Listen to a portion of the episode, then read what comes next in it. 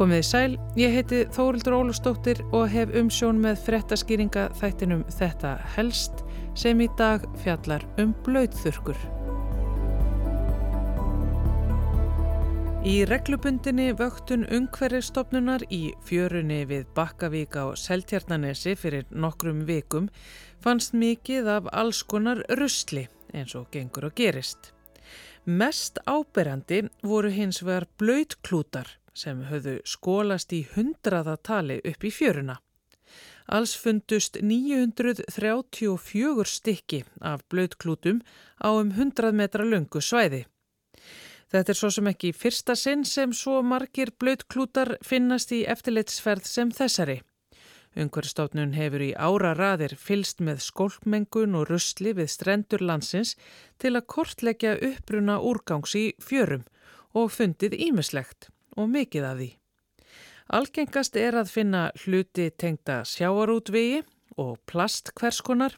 Í fyrra vakti sérstaka aðtikli óvinnu mikið magnaf klæðnaði og fötum en í ár voru það einu sinni sem oftar blöðklútarnir sem stóðu upp úr.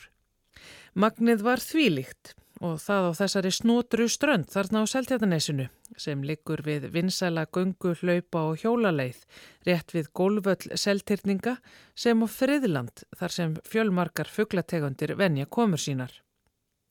Leiðinda máli í alla staði og vombriði væntalega líka því síðustu ár hefur töluvert púður verið sett í herrferðir þar sem almenningur er kvartur til að koma ekki fram við klósettin sín sem ruslafötur. Einn slík herrferð kemur frá verkefninu Klósettvinir sem er samvinnuverkefni Ungverðstofnunar og Samorku í samstarfi við samband íslenskra sveitarfélaga og heilbriðisnemda á landinu. Markmið þess er að draga úr rusli í frávitu og þar með álægi á ungverðið okkar. Í grípandi lægi sem samið var í teilefni átaksins er farið yfir það sem má og má ekki fari klósettið. Piss Piss, kúkur, klósett, pappir Piss, kúkur, klósett, pappir Piss, kúkur, klósett, pappir Piss, kúkur, klósett, pappir Búinn. Ekki gardur, hjóng, ekki pappir Sem sagt, bara piss, kúkur og klósett, pappir í klósett landsmanna. Ekki erðnapinna, tannþráð, bómullarnóðra, dömubindi, smokka og alls, alls ekki blöðklúta Árans blöðklútanir Þetta er tilturlega nývara á markaði, þannig lagað hefur í það minnsta verið stittra í almennri nótkun en bómullarnóðrar og erðnapinnar. Blauðþurkur eru raktar til bandarækjamannsins Arthurs Julius sem setti fyrstu slíkar á markað árið 1958. En hann sérhæði sig til að byrja með í blauðþurkum sem voru notaðar til að reynsa hendur og og gerðnan gefnar til viðskiptavina á veitingastöðum og til flugfarþega. Fyrirtæki eins og KFC urðu fljótt einn starsti viðskiptavinurinn. Maturinn þar enda gerðna jétin með fingrunum og þarf að geta þurkat puttana vandlega eftir slíka máltíð. En þessir einnóta klútar urðu sífælt vinsætli. Fleiri framleiðendur fóru af stað og í dag eru blöytþurkur og klútar ekki bara notaðar til að reynsa hendur, heldur ég að vel líka mann allan og bara allt í kringum okkur. Allt sem þarnast þrifa og sótreynsunar og smá klössunar. Allir foreldrar hins vestrana heimsættu til að mynda að þekka blöytþurkur því þær eru mikið notaðar við bleiuskipti til að reynsa botn barnana. Í raun er það svo að víða í heiminum er að verða algengara að fólk noti frekar blöytþurkur en klósettpappir til að skeina sér. Og þegar þú ert farin að skeina þér með blöytþurku er vantarlega fristandi að láta hana bara gossa og eftir öllu hinnu beint í klósettið. Þú getur í raun keift blöytþurku á alla líkamsluta hendur og munn auðvitað á kinnfæri. Blöðklútar þykja hendugir til að fjarlæga farða af andliti. Svo er hægt að kaupa blöðklúta sem innihalda brunguefni og eru notaðir til að smyrja því um allan líkamann. Notendur slíkra klúta má þekkja á appelsínugulu og röndóttu yfirbræði. Sóttreinsandi blöðklútar voru engar vinsælir í COVID til þrefa á sameigilegum snertiflötum Þú getur keift blöðklúta til að gljáfæja skó, til að hreinsaður tennurnar, takaði naglalakk, kæla eða deyfa líkamsluta og svo framvegis og framvegis. Þetta einnota þarfa þingar til í öllum útgáfum, taki bara eftir því næst þegar þið farið í stórverslun. Oft eru heilu og hálfu hillutnar lagðar undir blöðþurkur sem gegna fjölbreyttum tilgangi fyrir öll tilefni. En uh, bara rétt áður en við höldum áfram verði að minnast á, vegna þess að blöyþurkur til bleiuþóta eru líklega hvað vinsalastar, svona alla jafna, að sífælt fleiri foreldrar hafa kosið að nota fjölnota bleiuþurkur til að verka upp eftir bleiuskipti. Þá er gamal dúkur eða lag eða bólur eða hvaðina, kliftur niður í henduga stærð, settur í viðegandi ílátt og svo vatni, gerðnan með smá kókosóli og jafnvel einun dropa af umhverfisvætni ilmólíu, sett yfir. Þurkurnar eru svo þvegnar eftir nótkun og þykja víst taka þessum einnota fram í alla staði. En e, aftur að þeim, þessum einnota blötklútum, Framleðendur þeirra hafa farið fram með ímsar fullirðingar um áhrif þeirra á ungferfið sem þykja mjög vafasamar. Algengt er að merkingar á blöðklútapakningum gefið til kynna að það sé fínasta lægi að styrta þeim niður í klósettið. En það er bara alls ekki þannig. Engar blöðþurkur, alveg sama hvernig þær eru mertar, eiga að fara í klósettið. Um þetta eru sérfræðingar sammála. Ekki trúa því þegar stendur á pakningunum að klútarnir séu flushaból eða niðursturtanlegir. Þeir eru það ekki. Klútarnir leysast ekki upp eins og klósettpapirinn gerir, heldur eru í þeim plastrefjar, póliester og önnurefni sem brotna ekki niður, eigðast ekki upp í vatni, enda ónáttúrulegt í eðlisínu. Efnin sem eru svo í þurkunum sjálfum eru önnur ella, alls konar efnasambönd koma þar saman, ólík eftir tilgangi blöytþurkunar. Þetta eru sóttreinsandi og bakteríudrepandi efni hverskonar alla jafna, sum eitruð og skadileg. Sem sagt heldur ekkert fagnaðarefni þar á ferðinni fyrir lífrikið. Ungverðis áhrifin enda umtalsverð, eins og starfsfólk ungverðistofnunar tekur árlega eftir allstaðar þar sem þau fara um og skoða vöktuð strandsvæði á Íslandi.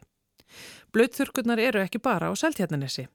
Það er dælast út í hafið allstaðar þar sem klósett er nærri. Velkjast þar um, hrella sjósunds fólk, flækjast og festast í þara og plöndum, í fiskum og fugglum, hefta sund og flug, eru jætnar og kæfa og drepa. Verðað öryndum sem fara inn í fæðukeðjun okkar.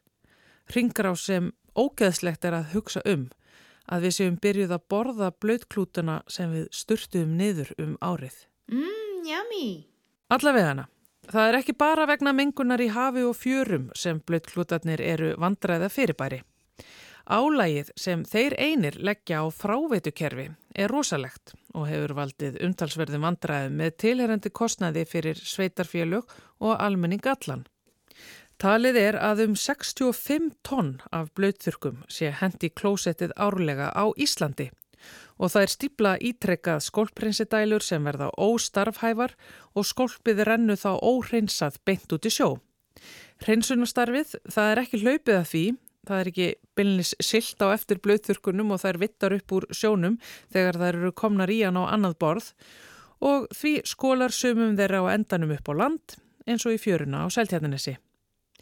Við viljum sem sagt ekki blöytþurkur í haf og fjörur og við viljum þar heldur alls ekki í lagnakerfið okkar. Það sem gerist í lögnunum er að blöytklútarnir mynda köggla.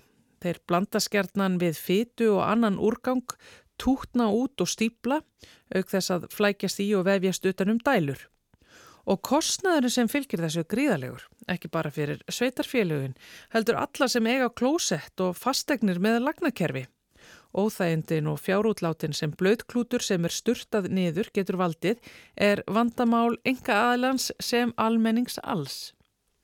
Sérstakt samband fytu og blöðklúta er í raun einn mesti ófögnuður sem hefur mætt öllum heimsins veitukerfum. Þessi tvö fyrirbæri dragast nefnilega að því er virðist og því miður að hvort öðru. Blöðklútarnir soga í sig fytuna herða hana. Þetta vefst svo saman og flækist um og bætur utan á sig meiru og meiru og getur náð slíkri stærð að ógjörningur er að hugsa það til enda. Þetta afkvæmi fytu og blöðklúta kallast fytuhlungur. Fytuhlungur er íslenskun á orðinu fattberg, sett saman úr orðinum fatt, fyta og æsberg, ísjakar. Og fytuhlungar geta verið að öllum stærðum eins og ísjakar eru. Til að mynda greindu breskir fjölmeilar frá því fyrir nokkrum árum að fytuhlungur hefði fundist í holræsakerfi strandbæjarins Sittmoth í Devonskýri á Suður Englandi sem var 64 metrar að lengt. Margar vikur fóru í að fjarlæga hlungin sem samastóð mestmægnis af matarólíu, steikarfeiti og blöðþurkum. Á internetunum má finna frásagnir af alls konar fytuhlungum sem hafa fundist í frávitukerfum víða um heim. Í frávitukerfinu undir London Road í Lundunum fannst fytuhlungur á stærð við rauðan tvöfaldan strætó sem alla jafna eru ofanjarðar þar í borg. En sáklumpur var nú ekkert á við þann sem fannst árið eftir á öðrum stað í London. Hann var á stærð við Boeing 747 þótu. Brettar eru í raun alltaf að finna fytu hlunga í veitukerfunum sínum. Í það minnsta eru fjölmeilar þar döglegir að segja frá því. En frávetan þar í landi er líka víða gömul, sumstar frá viktoríanska tímanum. En fleiri lönd eiga auðvitað við þetta vandamála stríða. Það má finna margar frettir bæði frá Bandaríkjunum og Ástralíu. Í Melbourne fannst í frávetukerfi borgarinnar fytulungur sem var á stærð við ólíutankbíl Svona fytulungar geta verið afskaplega erfiðir viðurregnar. Stundum eru þeir svo þjettir, já, svo bara harðir að það er ekki hægt að losa þá í sundur með hefðbundnum verkfærum og aðferum sem starfsfólk veitufyrirtækja notar alla jafna til að losa stiplur. Brot úr svona fytulungum hafa svo verið höfð til sínis í söpnum svo almenningur geti dáðst að afrakstri sínum. Einn vinsælasti síningagreipur Museum of London árið 2018 var uppþornaður bútur af fytulungi sem fannst undir Whitechapel. Fytulungar af viðlíka starðargráðu og þeir sem minnst var á hér áðan hafa enn ekki fundist hér á landi en smærri hafa fundist í skólkerfum Íslendinga og hafa valdið töluverðum skada. Forsvarsfólks veitna og dælukerfa hafa líka byggðlega til fólks að hella ekki óli og feiti sem fellur til við matagerð ofan í niðurföllin. Þetta er eitthvað til að hugsa um. Næst þegar þú hellir feitinu úr pönnunni í niðurfallið á sama tíma og annar heimilismeðlumur sturtar niður blöytþurku. Það gæti fæðist fytu hlungs skrimsli í lögnunum heimahjáður. It's alive! It's alive! It's alive! It's alive! Klósett eru þannig tegnd fráveitu-kerfi sem eru hönnuð alla jafna bara fyrir líkamlegan úrgang og klósettpappir. Hjá veitum stærsta veitufyrirtæki landsins sem þjónar öllu höfuborgarsvæðinu, auk þjættbílis og dreifbílis á Suður og Vesturlandi, fara árlega um 80 miljón tonn af skolpi í gegnum hreinsistöðvar. Árlega sapnast í þær stöðvar um 130 tonn af grófum úrgangi sem er síaður úr skolpinu í reynsi stöðvunum við Klettagarða og Ánanöst. Þetta er um hálf kíló af rusli á hvern íbúa og höfuborgarsvæðinu sem fer þá í klósettin eða niðurföllin. Þessi úrgangur sem tekin er úr reynsustöðunum er svo örðaður í álsnesi og hleypur kostnaður sveitafélagana vegna aðgerða í tengslum við þennan úrgang á 20 miljóna árlega. 130 tonn af grófum úrgangi og blöðþurkurnar eins og áður sagði 65 tonn sem sagt helmingurinn af þessu, langstærsta vandamálið í raun og veru. Hinnhelmingurinn er alls konar, þarna leynast inn á milli jafnvel forvitnilegi hlutir. Starfsfólk veitna hefur til dæmis fundið töluvert magna af kreditkortum, leikfungum, hjálpartækjum ástalífsins, gerfitennur, farsíma og fleira skrítið sem Íslendingar hafa styrtað niður. Þá vakti aðtegli stóra rannsókn Ástrálskar rannsóknastofu og Háskóla Íslands þar sem mælingar síndu fram á mikið magna á ólöglegum og slæfandi efnum í frávatíkerfum hér á landi. Veitufyrirtæki út um allan heim eru sem sagt að berjast við að sama og veitur. Stjórnvöld og sveitafjölu út um allan heim er að reyna að vekja aðtegli almennings á því að kostnaðurinn og skadin sem blöðþurkur valda veitukerfum er slegandi. Stjórnvöld og almenningur hafa líka reynd að byðla til framleiðandana með misjötnum árangri. Til að mynda lögðu árið 2014 neytendur í Ohio í bandaríkjunum fram hóplöksókn gegn Target verslunarkeðjunni vegna blöytþurkna sem keðjan framleiti og var mert með þeim hætti að óhætt væri að styrta þeim niður. Klútarnir myndu ekki valda skada í frávitukerfum. Í málsókninni var bent á að með merkingunni á vörunni væri verið að afvega leiða nótendur hennar og í raun væri verið að skapa mikla og alls konar hættur bara fyrir almenning vegna áhrifana sem klútarnir höfðu á veitukerfi og ungverfi. Klútarnir kæmu af stað tíðum mengunarslísum og þá væri fjártjón vegna eðilagra skólplagna og dælustöða umtalsvert. Nokkrum ára síðar var átkveða útkljá þetta mál utan domstóla með greiðslu miskabóta frá blöðþurku framleiðendunum.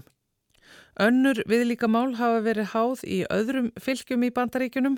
Wyoming borg dró tilbaka lögsokn sína á hendur nokkura blöðþurkru framleiðanda fyrir nokkrum árum því ekki þótti sannað að blöðþurkurnar væru að valda skemdum á fráveitukerfum borgarinnar.